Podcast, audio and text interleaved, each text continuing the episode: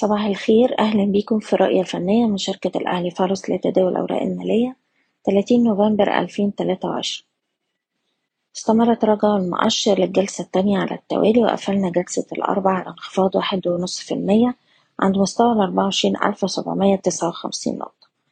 أحجام التداول امبارح كانت عالية والمؤشر اقترب من أدنى مستوى ليه في آخر أسبوعين عند مستوى الدعم الأربعة وعشرين ألف وخمسمية.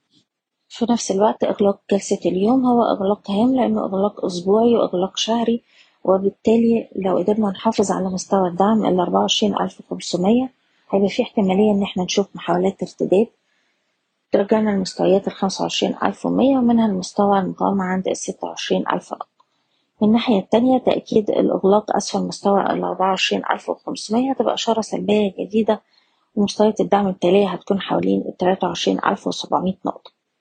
على الأجل القصير بننصح بالالتزام بمستويات حماية الأرباح لكل سهم على الحدة وإغلاق مراكز الشراء بالهامش.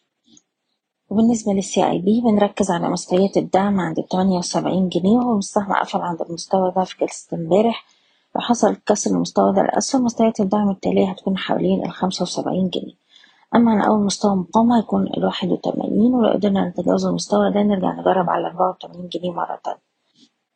جي بي كورب رغم تراجعات السوق في جلسة امبارح إلا إن السهم قدر يقفل عند أعلى مستويات الجلسة على ارتفاع تمانية في المية وصل لمستهدفه التمانية جنيه ومازال ليه مستهدفات عند التمانية ونص والتسعة عشر. ننصح بالاحتفاظ طول ما إحنا محافظين على مستوى الدعم السبعة جنيه.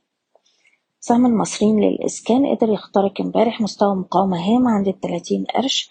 تأكيد اختراق المستوى ده بيفتح له الطريق لصعود قوي مستويات المقاومة التالية الخمسة وتلاتين ويلي مستوى التسعة وتلاتين قرش.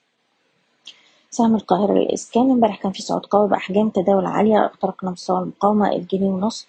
والسهم بيستهدف مستويات الجنيه ستين ويلي مستوى الجنيه تمانين بننصح بشراء الانخفاضات وأقرب مستوى دعم حوالين الجنيه تمانية وأربعين. نقدر نحتفظ بالسهم طول ما إحنا محافظين على مستوى الدعم الجنيه وأربعين قرش.